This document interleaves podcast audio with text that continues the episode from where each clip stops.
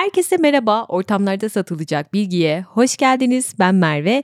Bugün malumunuz cumartesi ve böyle beyninizi darlayacak konularla gelmedim. Daha böyle yumuş yumuş. Aa öyle miymiş? Hmm, bak bunu bilmiyordum diyeceğiniz konularla karşınızdayım. Böyle kısa kısa ama bence bayağı şaşıracağınız bilgiler olacak. Bilmediklerimizi ve yanlış bildiklerimizi konuşmak için buradayım. Tabi biliyor da olabilirsiniz. Böyle artistçe bir açılış yaptım ama ya ben bunu biliyorum ya deyip kapatmayın. Yine de dinleyin. dinleyin yalnız dinleyin değil.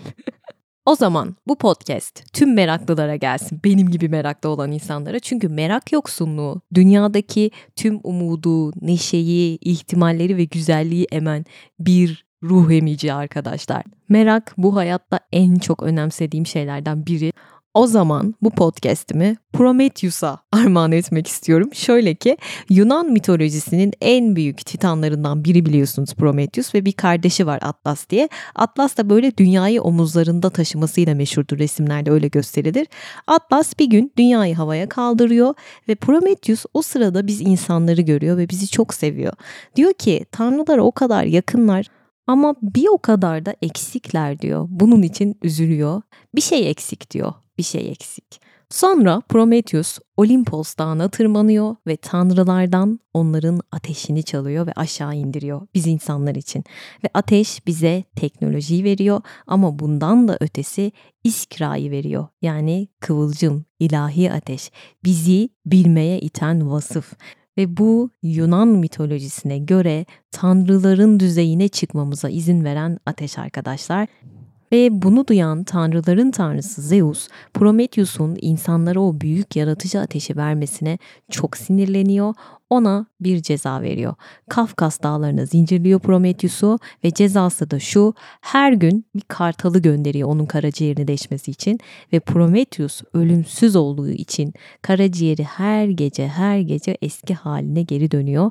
İnsanlar için katlandığı ebedi bir işkence haline geliyor bu. Peki neden bu işkenceyi çekiyor? Sır biz yani her birimiz ne, nerede, ne zaman, nasıl sorularını sormaya bizi iten o ilahi kıvılcıma, o iskraya, o ölümsüz ateşe sahip olabilelim diye. Prometheus'un adının anlamı öngörü arkadaşlar ve onun her gün çektiği bu ızdırabı ancak bizler her gün meraklanarak, her gün soru sorarak ve o ateş üzerinde kalmaya devam ederek ödeyebiliriz. Bu bölüm benim gibi tüm meraklılara gelsin o zaman. Hadi başlayalım. Önce size güzel bir haberim var onu söylemek istiyorum. Cambly'de bu senenin en büyük indirimi var şu anda. Tam %60 indirim ve sınırlı sayıda kişi için geçerli. İlk dersiniz ücretsiz. İngilizce konuşarak pratik yapmak isteyenler, İngilizcesini daha daha ileri seviyelere taşıyarak dünyanın kapılarını aralamak isteyenlere duyurulur. Ayrıca tek bir üyelikte 30'dan fazla ders programına 7-24 ulaşabiliyorsunuz. Günün her saatinde istediğiniz her yerde Cambly'den faydalanabiliyorsunuz. Bu indirim hem Cambly Kids'te geçerli hem birebir derslerde hem de biliyorsunuz ki artık Cambly'de grup dersleri başladı. Orada da geçerli. Bu indirimden hemen faydalanmak için bize özel kodumuz 600 bilgi açıklamalardaki linkten detaylara ulaşabilirsiniz. Hadi başlayalım. Bölüm açılışımı Will Rogers'ın bir sözüyle yapacağım. Herkes cahildir. Tabii farklı farklı konularda diyor. Çok doğru bence. O zaman Sezar'la başlayalım. Sezar'ın meşhur bir sözü vardır. Veni, vidi, vici geldim, gördüm, yendim. İşte bu sözü Tokat'ın Zile ilçesinde söylemiştir arkadaşlar Sezar. Zile'nin o günkü adı Zela'dır ve önce 47'de Pontus hükümdarı Kral Farnekes'e karşı kazandığı savaşı bu sözleriyle özetlemiştir Sezar. Peki neden böyle bir söz söylüyor? Şöyle ki Roma iç savaşının dorukta olduğu dönemde Sezar senatonun modernleşmesi için uğraşırken Pompey gelenekçi güçleri komuta ediyor. Yani Sezar'la bu şekilde araları açılıyor. Karadeniz'in güney sahilinde de Pontus Krallığı var biliyorsunuz ve yıllar boyunca Roma için zorlu bir düşman oluyor. Sezar'ın Mısır'da işte bu eski kankeytosu Pompey ile savaşta olduğunu bilen o kral Farnekes diyor ki fırsat bu fırsattır Pontus hükümdarı kral Farnekes. Ben diyor gideyim kaybettiğim toprakları geri alayım bu diyor bir şans koşarak gidiyor ve Kapadokya'yı işgal ediyor. E zaten çok da az Romalı asker var o sırada Kapadokya'da ve Romalılar Sezar'a bir mesaj atıyor. Adam kazandı diye mesaj atıyorlar. Ve bu kral Kapadokya'yı işgal etmekle kalmıyor. Romalı askerlere de eziyet ediyor. Tutsak alıyor onları. E Sezar bunu duyunca durur mu? Hemen Mısır seferi dönüşünde buraya uğruyor. Ve Kral Farnekes'e had bildirmek için diyor ki gel bakalım Kral Farnekes. Ve sadece 5 gün içinde Zela'da yani Tokat Zile'de Kral Farnekes'i yenilgiye uğratıyor Sezar. Ve bu zaferimi Tokat Zile'nin meşhur beyaz pekmezinin vermiş olduğu enerjiye borçluyum diyor. Şaka. Küçükken yemiştim çok güzeldi ya. Tokatlılara selam olsun buradan. Pekmezinizle övmeden geçemedim kusura bakmayın. Neyse e, Sezar Farnekes'i Tokat Zile'de yeniyor ve hemen Roma'daki dostu Amantius'a bir mektup yazıyor. Şov peşinde Sezar biliyorsunuz şovcu bir adam. Diyor ki Veni vidi vici kanka diyor. Geldim gördüm yendim. Tabi Sezar aşkta yeniliyor Kleopatra'ya podcastini yapmıştım biliyorsunuz. Sen düşmanını yensen ne olur yani Brutus seni bıçakladıktan sonra ey Sezar. Tarihle başladık oradan devam edelim. İskoçya'ya gidiyoruz arkadaşlar. İskoçya deyince aklınıza ilk gelenlerden biri muhtemelen İskoç eteği, gaydaları, işte viskileri, ekose kumaşları falan. Şahsen benim için öyle ama bunların hiçbiri İskoç değil arkadaşlar. Nereden geliyor bir bakalım. Öncelikle İskoçya ismi milattan sonra 5 ya da işte 6. yüzyılda Romalıların Kaledonya dediği yere varan İrlandalı bir Kelt kabilesi var. Skoti kabilesi.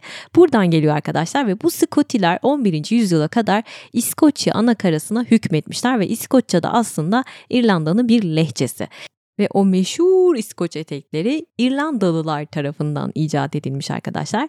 Gayda dediğimiz o enstrümanları da çok eski Orta Asya'da icat edildiği düşünülüyor. Yahni ise zaten antik Yunan'a ait bir sosis türeviymiş yahni. Gelelim viskiye. İlk kez keşişler tarafından damıtılmıştır viski ve kelime İrlandaca whisky beta'dan yani Latince aquavita'dan geliyor. Anlamı da sıkı tutunun yaşam suyu demekmiş. Viski severler bunu beğendi. Ekosa kumaşlarda bir döneme damgasını vurmuş ve punkçıların vazgeçilmezi olmuştur. İskoçya'yla da özdeşleşmiş bir kumaş biliyorsunuz ki. Meşhur Jacoben isyanıyla da özdeşleşmiş. Hemen bir dizi önermek istiyorum sizlere. Outlander dizisi. Netflix'te vardı en son. Umarım duruyordur. Böyle aşk meşk konulu, zaman yolculuğu konulu bir dizi arıyorsanız süperdir. İskoçya Jacoben deyince direkt aklıma o dizi geliyor. Bu dizi sonrası bu arada İskoçya'ya turist yağmış arkadaşlar. %800 artmış turist sayısı. Öyle bir dizi yani. İskoçya'yı ben zaten çok merak ediyorum. En kısa zamanda gideceğim. Jamie, üzümlü kekim, Jack de en nefret ettiğim dizi karakterlerinin başında ipi çekiyor. Eğer izlerseniz aklınızda bulunsun. Ekos'e dönüyorum. Şöyle ki tüm İskoçya kıyafetleri yani yerel olanlar, bütün ekose kumaşlar ve hatta kare kumaşlar da dahil 1745 isyanından sonra yasaklanıyor arkadaşlar. Çünkü Jacobite ideallerini destekleyen Kuzey İskoçya halkı kendilerini bir topluluk olarak göstermek için ekose kıyafetler giymeye hatta muharebelere bile ekoselerle gitmeye başlayınca İngiliz hükümeti Highlands bölgesinde ekose giyilmesini yasaklıyor. İşte o günden sonra ekose İskoç kültürünün bir simgesi haline geliyor yani başkaldırının simgesi oluyor. Daha sonraları Kraliçe Victoria bu akımı destekleyince kısa sürede Ekose Victorian döneminin çılgınlıklarından biri haline geliyor. Bu günümüzde kullandığımız Ekose'nin birçok farklı deseni var bu şekilde ortaya çıkıyor ama Ekoseler de yerine göre değişiyor kullanımları. Mesela av için bir yere gidiyorsanız koyu mavi ve yeşil tonları, yaz içinse siyah beyaz tonları tercih ediliyor. Hani olur da İskoçya'ya giderseniz aklınızın bir köşesinde bulunsun. Bu arada viski viski diyorum çok yaygın bir söylem vardır. Alkol beyin hücrelerini öldürür diye. Hayır öyle bir şey yokmuş. Yani tabii ki zarar veriyor ama öldürme değil yavaşlatıyor. Beynimizde yeni hücrelerin daha yavaş oluşmasına neden oluyor alkol. Beynimizdeki sinir hücreleri çok önemli biliyorsunuz. İşte alkol bu sinir hücreleri arasındaki iletişimi bozuyor. E ne oluyor? Beyin işlevlerini azaltıyor. Daha yavaş çalışmaya başlıyor. Bu süreçte neler yaşıyoruz? Yeni bir şeyler öğrenemiyoruz. Çok zorlanıyoruz öğrensek de sorun çözemez bir noktaya geliyoruz. Bundan sonra içerken kadehimizi o yavaşlattığımız beynimize kaldıralım derim. Merve ben hep akşamdan kalıyorum, beynim bıkım ağrıyor diyorsanız akşamdan kalmalık da şu. Beynimiz dehidrasyona uğradığı için küçülüyor ve zarı tarafından çekiliyor. O ağrıyı yapan, baş ağrısı yapan şey zar. Çünkü beynimizde bıçak soksak bile hissetmiyoruz.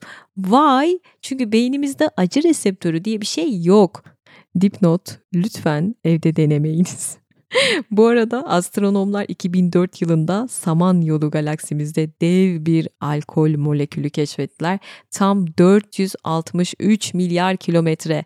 Bu bilgiyle ne yapacağız Merve? Valla ben de bilmiyorum. ne yaparsanız yapın. ben biliyorsam siz de bileceksiniz. Bir filaman, filaman yalnız, filaman atasözü der ki alkollüyken söylenen şey sizce de ayıkken düşünülmüş müdür? Bunu çok merak ediyorum. Sizce haklılar mı? Cevapları Instagram'dan bekliyorum. Sırada depresyona çözüm var arkadaşlar. Nihat Doğan'ın Gitme Buradan şarkısı. Ya antidepresan değil o artık benim için o bir depresyon sebebi. Mabel Matiz çiçeğimden sonra. Depresyonun çözümü bedava arkadaşlar. En az ilaçlar kadar etkili. Şöyle ki 24-45 yaş arası deneklerle bir araştırma yapılıyor. Haftada 3 ila 5 kez yürüyüş yapanlar yani yarım saatlik yürüyüş yapanların depresyon semptomlarının neredeyse %50'ye kadar azaldığı görülmüş. Tabii meditasyon da çok işe yarayan bir yöntem. Hatta Dalai Lama tarafından önerilen Tibetli keşişlerin katıldığı bir proje var.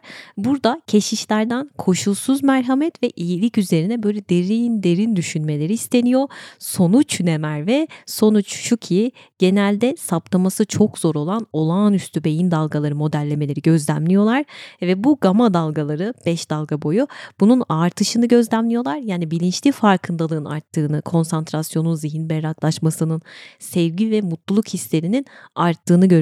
Çünkü gama dalgaları buna sebebiyet veriyor. O yüzden olumlu düşünmek ve yürüyüş yapmak ruh sağlığınız için 10'da 10 aktivite diyor uzmanlar. Bir dönem baya böyle yürüyüş yapıyordum. Sabahın köründe çıkıp kuş sesleri falan. O kadar mutlu dönüyordum ki eve. Özledim o günlerimi. E, en kısa zamanda geri döneceğim. Sırada köpek balığı var. Merve'nin korkulu rüyası. Talasofobim var biliyorsunuz. Bir köpek balığı yerimizi nasıl tespit eder? Klasik cevap denizde bir yerimiz kanarsa yandık dediğinizi duyar gibiyim ama o öyle değilmiş aslında. Köpek balıklarının çok şaşırtıcı koku duyuları var. Şöyle ki 25 milyonda bir konsantreli suda bile kanın kokusunu hemen fark edebiliyorlar. Bu oran 9000 litrelik tankın içindeki tek bir kan damlasına eşit. Geçmiş olsun hepimize önümüz yaz dikkatli olun köpek balıkları saldırganlaşmış diyorlar.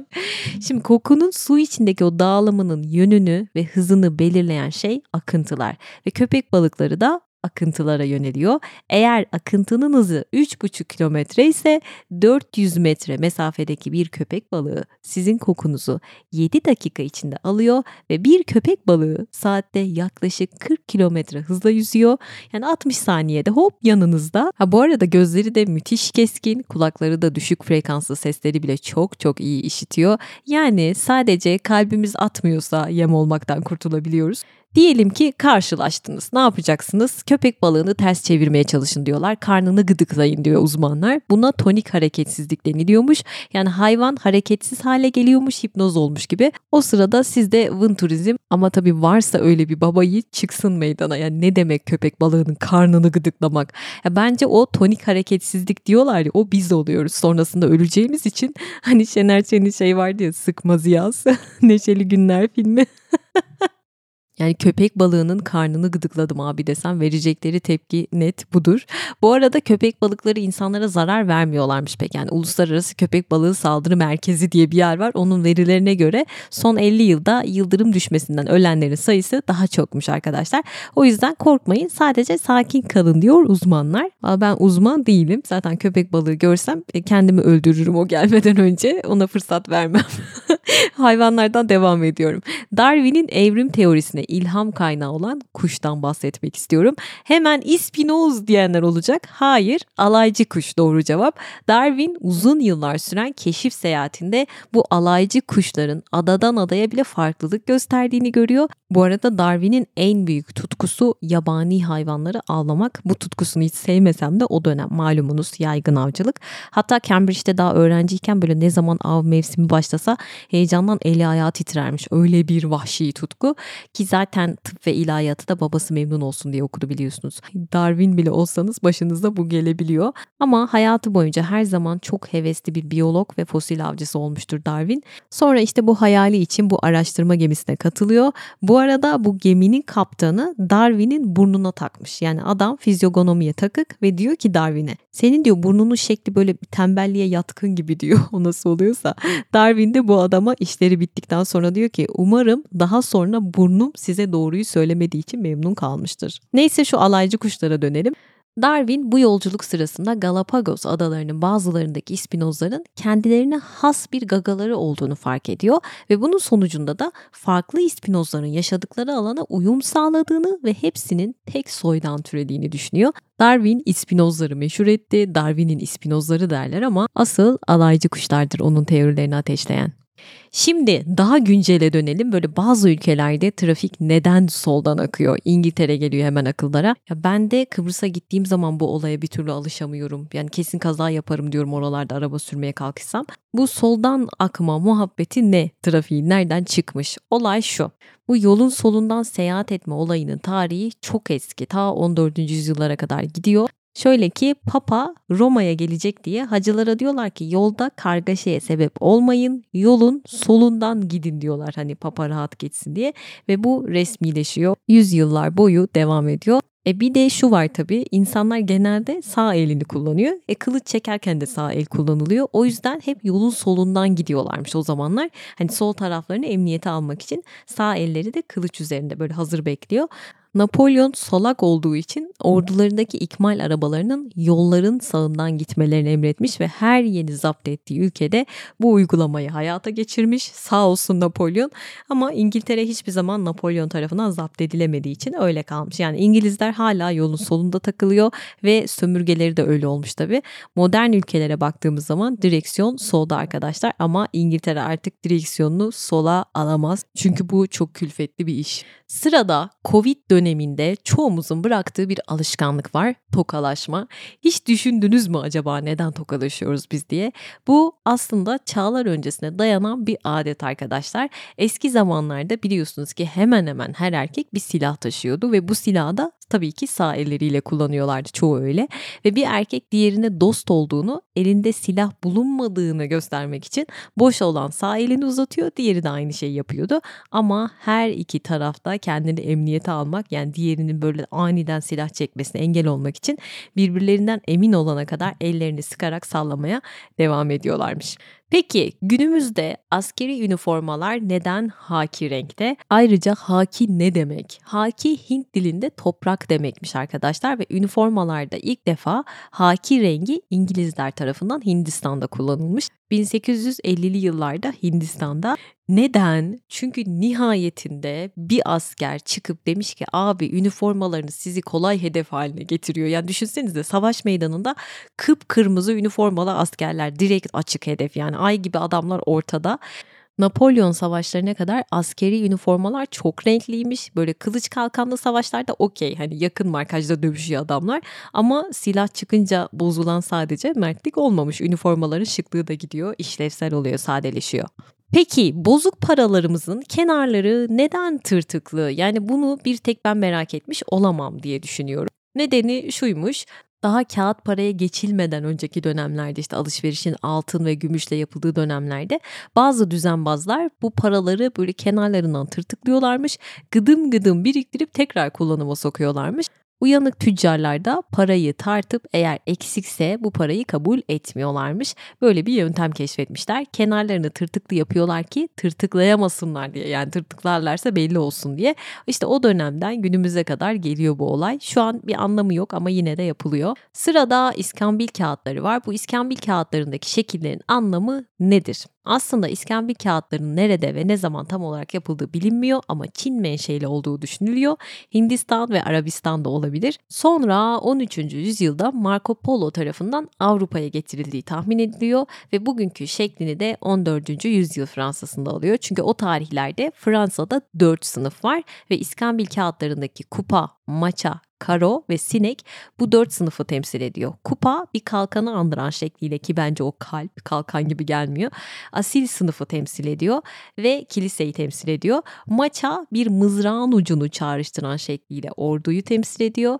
Karo ticari deniz işletmelerinin eşkenar dörtgen kiremitlerinden esinlenerek orta sınıfı. Sinek de yonca yaprağına benzeyen şekliyle köylüyü temsil ediyor.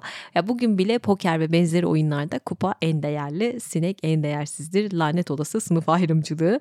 Peki neden İngilizce'de Hindiye, Turkey yani Türkiye deniliyor? Hindi aslında Amerika'nın yerli hayvanı ve Hristiyanların şükran günlerinin sembolü. Hatta vahşi hindi cinsleri var. Kristof Kolomb kıtayı keşfetmeden önce Kuzey Amerika'da yaşıyormuş bunlar ve Aztekler bu hindilerin bir cins ırkını evcilleştirmeyi başarmışlar. Amerikan hindileri Avrupa'ya 1519'da İspanyollar tarafından getirilmiş ve 1541'de de tüm Avrupa'ya yayılmış. İşte bu hindileri gören İngilizlerin kafaları karışmış. Çünkü o zamanlar Türk toprakları olan Batı Afrika'dan Portekizli tüccarların getirdikleri Afrika hindisi veya yine Türkiye üzerinden getirilen Hint tavuğu zannetmişler hindiyi ve sonunda her iki ırkın farklı olduğu anlaşılmış ama iş işten geçmiş. Bu Amerikan menşeli kuşun adı 17. yüzyılda Amerika'ya göç eden İngiliz göçmenler sayesinde Amerika'da artık Turkey olarak yerleşmiş. Ama bir rivayete göre de Kolomb'un bu ilk yolculuğunda yanında olan Portekizli bir Yahudi var Jose de Torres diye. Güya o hindiyi görünce bağırmış yani İbranice'de büyük kuş anlamına gelen Tuki Tuki diye bağırıyor ve onun adı öyle kalıyor. Bir diğer rivayette şu, Kolomb'un Amerika'yı Hindistan sanması ve Hindi'yi de Hint tavus kuşu zannederek Tuka olarak adlandırması, zamanla da Turkey olarak kalması. Sırada ne var Merve? Kan grubumuz var. Neden herkesin kan grubu birbirinden farklı? Şöyle, şimdi insanların kan grupları doğmadan önce genetik olarak saptanıyor zaten. Kanımızda yabancı maddeleri, mikropları tespit edip bunlarla savaşan hücrelerimiz yani kırmızı kan hücreleri bir diğer de işte al yuvarlar var ve bu al yuvarlar sadece 120 gün yaşıyorlar. Bu nedenle vücudumuzda devamlı al yuvarlar üretiliyor ve ortalama bir yaşam süresi boyunca insan vücudunda yarım tondan fazla al yuvar üretiliyor. Bu al yuvarların yüzeylerinde de antigen denen proteinler ve lipidler var. İşte bunların varlığı ya da yokluğu kan gruplarını tayin ediyor. Ve insanlarda dört tür var biliyorsunuz. A, B, AB ve 0. Kan gruplarımız anne ve babamızdan Mendel kanununa göre genetik olarak aktarılıyor. Mesela çiftlerden biri AB grubuysa çocukları sıfır grubunda olamıyor. Ya da çiftlerden biri sıfırsa çocukları asla AB olmuyor gibi kombinasyonları var bunun. Yuva yıkan bilgilerde bugün dipnot kesin çözüm DNA testi saçmalamayalım lütfen. Peki kan alıp verirken neden sadece uyumlu olduğumuz gruptan alabiliyoruz ve verebiliyoruz? Çünkü uyumsuz kan grubu olunca karşı tarafın savunmacı antigenleri gelenleri dost bilmiyor ve savaş açarak kanda pıhtılaşmaya, böbrek rahatsızlıklarına hatta ölüme bile sebep olabiliyor. Peki kan uyuşmazlığı ne? Şimdi evlenmeden önce artık test yapılıyor diye biliyorum ama buradaki olay da kanımızın RH faktörü yani negatif miyiz pozitif mi? Eğer RH negatif olan bir anne adayıysanız ve eşiniz RH pozitifse işte bu kan uyuşmazlığına sebep olabiliyor. Yani ilk bebekte belki olmayabilir RH pozitifse ama daha sonra ikinci bir bebekte mutlaka önlem alınması gerekiyor diyorlar. Sırada çok şaşırdığım bir bilgi var. Bunu bilmiyordum. Bakalım siz de şaşıracak mısınız? Kuru temizlemenin icadı ve nasıl yapıldığı konusu. Aslında kuru temizlemenin tarihi antik çağlara kadar uzanıyormuş. İlk zamanlar küllü su, amonyak ve bir çeşit kirli çamur kullanılmış giysilerin yağ lekeleri çıksın diye. Rivayete göre şöyle ki bir gün Jolie Bain adında bir Fransız kazara giysisinin üzerine kerosen döküyor. Yani gaz yağı sanayide kullanılan petrol. Sonra bir bakıyor giysisinin üzerindeki leke leke geçmiş. Bu adam kuru temizlemeyi açan ilk isim 1840'larda. O yüzden kuru temizlemede ilk başlarda kerosen, gaz yağı kullanılmış çözücü madde olarak ki bu çok tehlikeli, yanıcı bir madde. 1930'lara kadar da bunu kullanıyorlar. Sonra solvent adı verilen bir maddeye geçiliyor. Bu da su içermeyen çözücü bir sıvı. Bununla yıkama işlemi yapılıyormuş. Aslında pek de kuru temizleme gibi değil. Bir sıvı ile yapılıyor. Sadece işlem sırasında kullanılan kimyasalların içeriğinde hiç su bulunmuyor. O yüzden adı kuru. Sıradaki bilgimiz sushi severlere gelsin. Ben öyle çok ölüp bitmem ama yerim. Ama o Çin çubukları, o chopstick tam bir işkence benim için. Yani Çinliler neden bu çubuklarla yemek yiyor anlayamadım diyorsanız aslında nedeni tam olarak bilinmiyor. Ama yaygın kanı şöyle ki vakti zamanında Çin imparatorlarından biri halkın ayaklanmasından korktuğu için eritilip silah haline getirebilecek metal olan her şeyin toplanmasını emrediyor ve Çinliler de ellerinde ne kadar çatal, bıçak, kaşık falan varsa bütün metalleri vermek zorunda kalıyorlar ve bambu ağacına kalıyorlar sonunda yani ince çubuklarla yemek yemeye bu şekilde alışmışlar deniliyor. Ve ve ve son bilgiye geçiyoruz. Bugün 1 Nisan. Umarım milleti kalpten götürecek kötü şakalar yapmamışsınızdır. 1 Nisan olayı nereden çıktı? Şöyle ki Roma İmparatoru Sezar milattan önce 46 yılında takvimin başlangıcını Ocak ayı olarak ilan ediyor ama yine de 16. yüzyıl ortalarına kadar Avrupa'da yeni yıl geleneksel olarak bahar aylarının başlangıcı 25 Mart kabul ediliyor ve kutlamaların başladığı zaman 1564'te Fransa kralı 9. Charles takvimi değiştiriyor. Yıl başlangıcını Ocak ayının birinci gününü alıyor. E tabi o zaman cep telefonu yok bir şey yok. Hiç kimsenin haberi yok bu olaydan bu değişiklikten. Bir de haberi olduğu halde eski adetlerini devam edenler var protesto amaçlı. 1 Nisan'da kutlamalarına devam edip birbirlerine hediyeler veriyor bu insanlar. İşte bu kutlamaya devam edenler, alay edenler bu insanlara Nisan aptalları diyorlar ve 1 Nisan'a Aptallar Günü adı veriliyor. Ve bugün herkes birbirine gerçek olmayan haberlerle şakalar falan yapıyorlar, yalandan hediyeler veriyorlar. Aslında hiç olmayan bir partiye eğlenceye davet ediyorlar. Dalga geçme amaçlı tamamen. Yıllar sonra takvim düzeni oturuyor ve artık Fransızlar için 1 Nisan kültürlerinin bir parçası haline geliyor. Ondan vazgeçemiyorlar. Oradan da dünyaya yayılıyor. Bir bölümün daha sonuna geldik. Cambly'de bize özel kodumuz 600 bilgi. Aşağıda açıklamalara link bırakıyorum. Oradan ulaşabilirsiniz. Beni Instagram'da takip etmek isteyenler için de adresim yine aşağıda açıklamalarda olacak. Pazartesi, çarşamba, cuma yeni bölümlerde tekrar görüşeceğiz. Bu sefer biraz ağır konular bekliyor olacak sizi. O zaman görüşmek üzere. Hoşçakalın. Kendinize iyi bakın. Bay bay.